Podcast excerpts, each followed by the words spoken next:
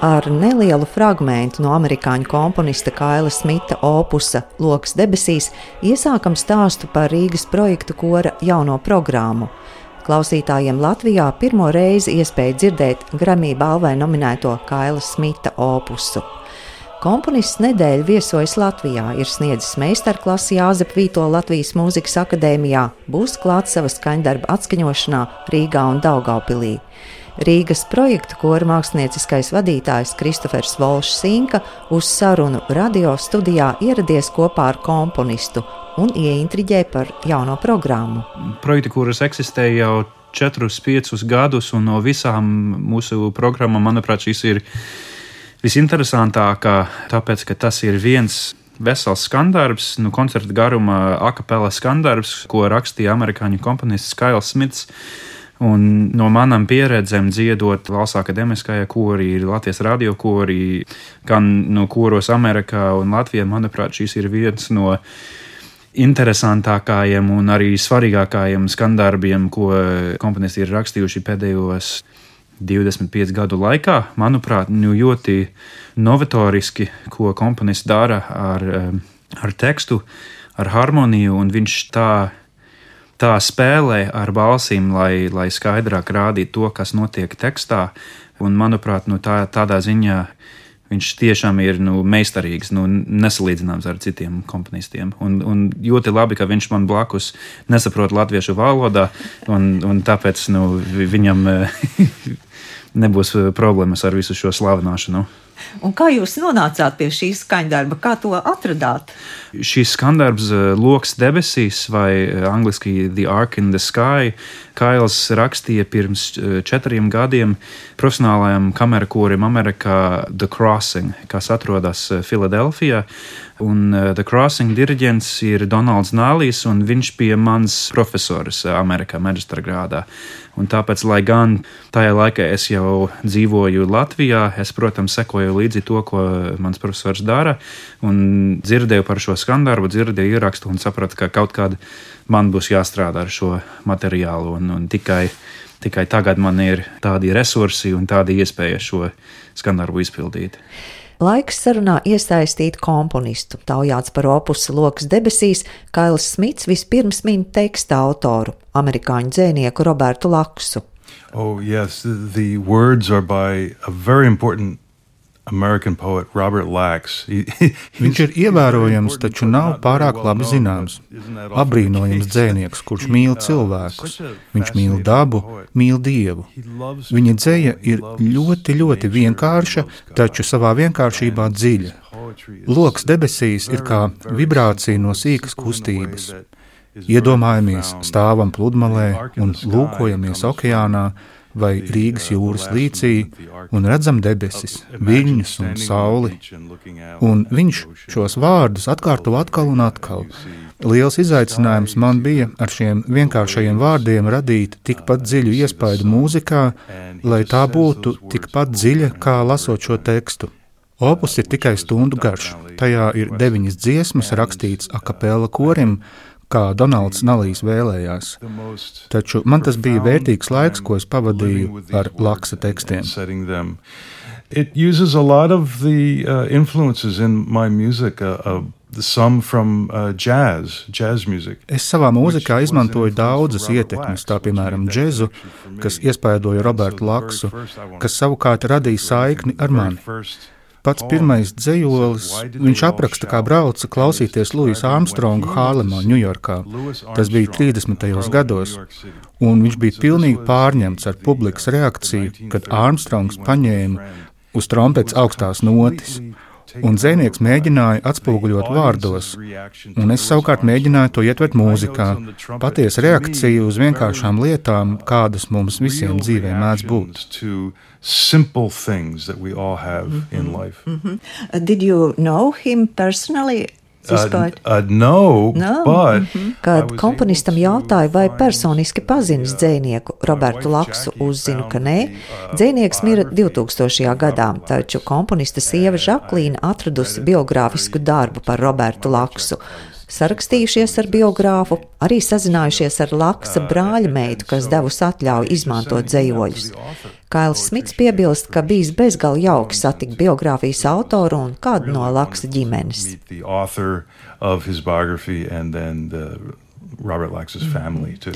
Skandarbam var teikt, ir trīs daļas. Raksturojiet, jā, jā, jā, cik atšķirīgas tās ir.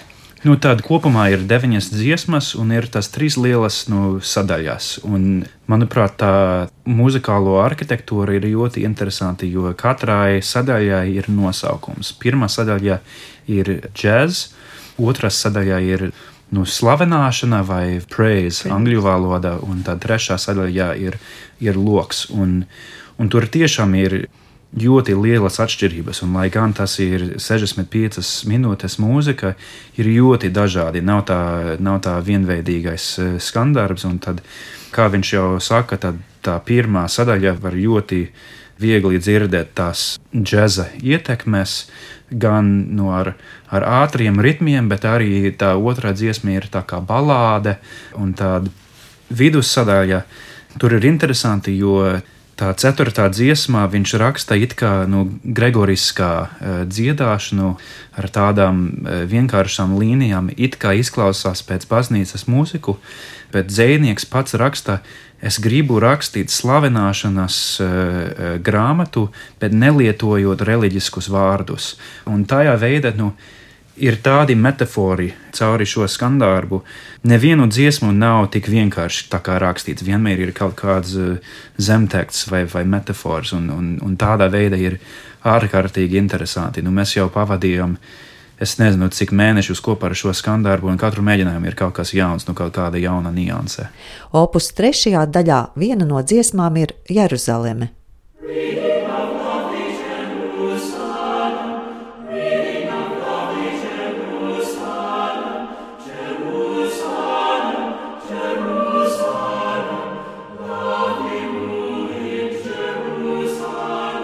Tur ir trīs dziesmas. Pirmā - Jeruzaleme, kur Laks rakstīja par seno pilsētu Jeruzalemi, un par to viņš raksta skaista, sagandēta Jeruzaleme, lovely ruined Jerusalem. Un, un, un tas ir tāda liela metāfora par, manuprāt, par mūsu pasauli. Nu, cik skaista ir mūsu pasaule, un ja mēs vien varētu rūpēties par viņu, vai vienkārši vai pat atļaut to pasauli izdzīvotu, cik skaista būtu mūsu pasaule, bet mēs nemākam.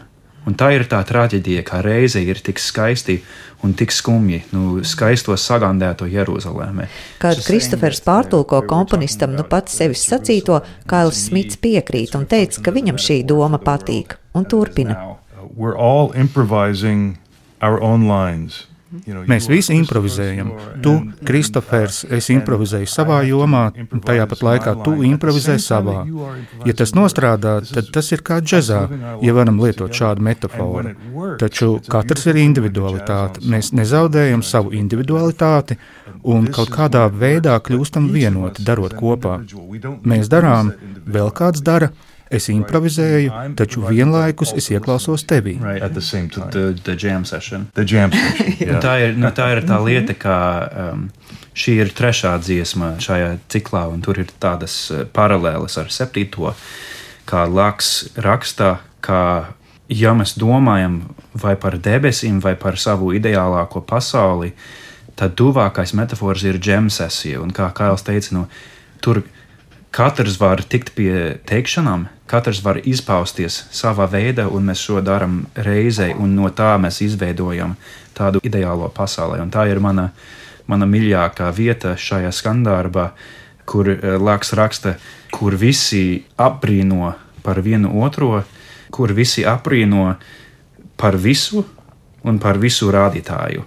Viss, kas notika tajā dziesmā pirms tam, ir ir ļoti piņķerīga ar angļu valodu un ar tām džēza ietekmēm, un tad pēkšņi viss apstājas, viss notiek ļoti vienkāršos akordos, un mēs vienkārši skaidri un godīgi pasakām to, ka tā būtu tā visideālākā pasaulē, kur mēs mākam brīnīties par vienu otru.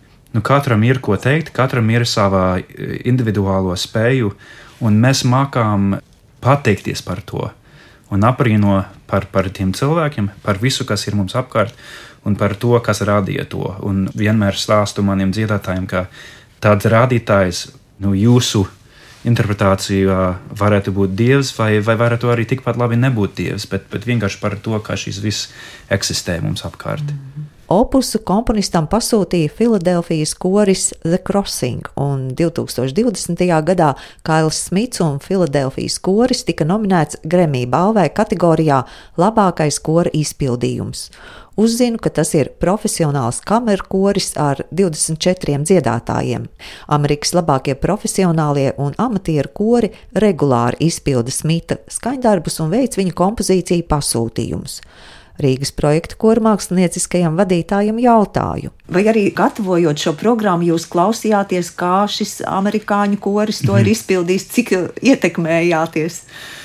Notiek divos veidos, jo Jo pirmā lieta ir tā, nu, var prasīt, jebkuram diriģentam ir, ir diriģenti, kuri klausās ierakstiem, un ir diriģenti, kuri neklausās. Jo ir tādi diriģenti, kuri saka, nu, es negribu, lai kāda cita interpretācija man ietekmē, un es neesmu tāds eh, fanatiķis tādā ziņā. Bet tāds ieraksts man palīdzēja, jo ir tik daudz vietas šajā skandarbā, kas ir ļoti grūti, nu, sarežģīti. Mēs strādātu mēģinājumā, un man būtu tāds, nu, bācis, šis ir tik grūts, un tad es tiktu pie ierakstu, un es, es klausītos, un domāju, izklausās, ka viņam arī bija, nu, nu protams, tāds ieraksts ir pasaules līmenī, nu, Grammy balvai nominēts, bet var, var dzirdēt, nu, tur, kur ir grūti, un tad es sapratu, ok, nu, ja The Crossing, ja viņam bija grūti, tad, nu, ir pieņemami, ka mums arī bija grūti, bet, bet ir arī tā lieta, ka tāds diriģents bija mans profesors, es tik daudz mācījos eh, no viņa, un ir brīži mēģinājumā, kur kaut kas man nesanāk, un tad es domāju, ok, ko Donalds darītu šajā brīdī, un tad es kaut ko mainu ar savu diriģēšanu, un sanāk. Un tad es sapratu, ok, nu, kaut kas tur ir no tās vēstures, kas palīdz tieši ar šo repertuāru. Kas ir tas sarežģītais? Nu, tā forša, Arī lieta, teksts, tā forša lieta par šo skandarbu ir to, ka tas ir sarežģīti dažādos veidos. Pirmā dziesma ir ļoti ātra, ir ļoti daudz taktsmēru izmaiņas, prasa ļoti lielu uzmanību.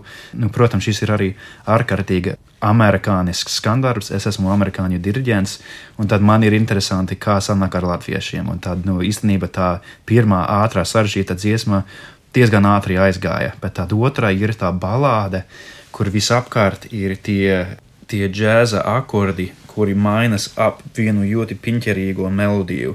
Un tas gan bija ļoti sarežģīti nu, dabūt pareizi to intonāciju, un tad, protams, ar tekstu, jo ātrāk un jo vairāk tas ir izaicinājoši, jo ir tādas eh, detaļas, nu, ir vienkārši skaņas, kas eksistē angļu valoda, kas neeksistēja latviešu valoda, vai pat uh, jūsu elburts notiek ļoti dziļi iekšā mutē, un mūsu elburts notiek nu, mēles galiņā.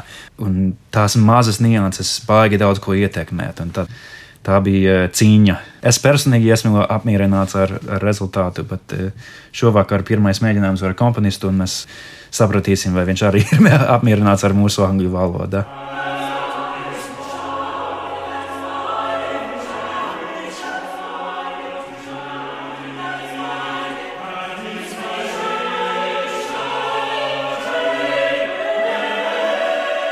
Šis ir mazs fragments no Filadelfijas kamerkora ieraksta. Savukārt Rīgas projekta kora interpretācijā Kaila Smita opusu Loks debesīs iespēja dzirdēt šīs nedēļas nogalē, sestdien, 8. oktobrī Latvijas Nacionālās bibliotēkas ziedoņa zālē un 9. oktobrī Daugaupilī, Daugaupils Jaunavas Marijas bezvainīgās ieņemšanas Romas katoļu baznīcā. Baznīcā atskaņots opus būs lieliska kulminācija pārliecināts Kristofers Valšs Sinka.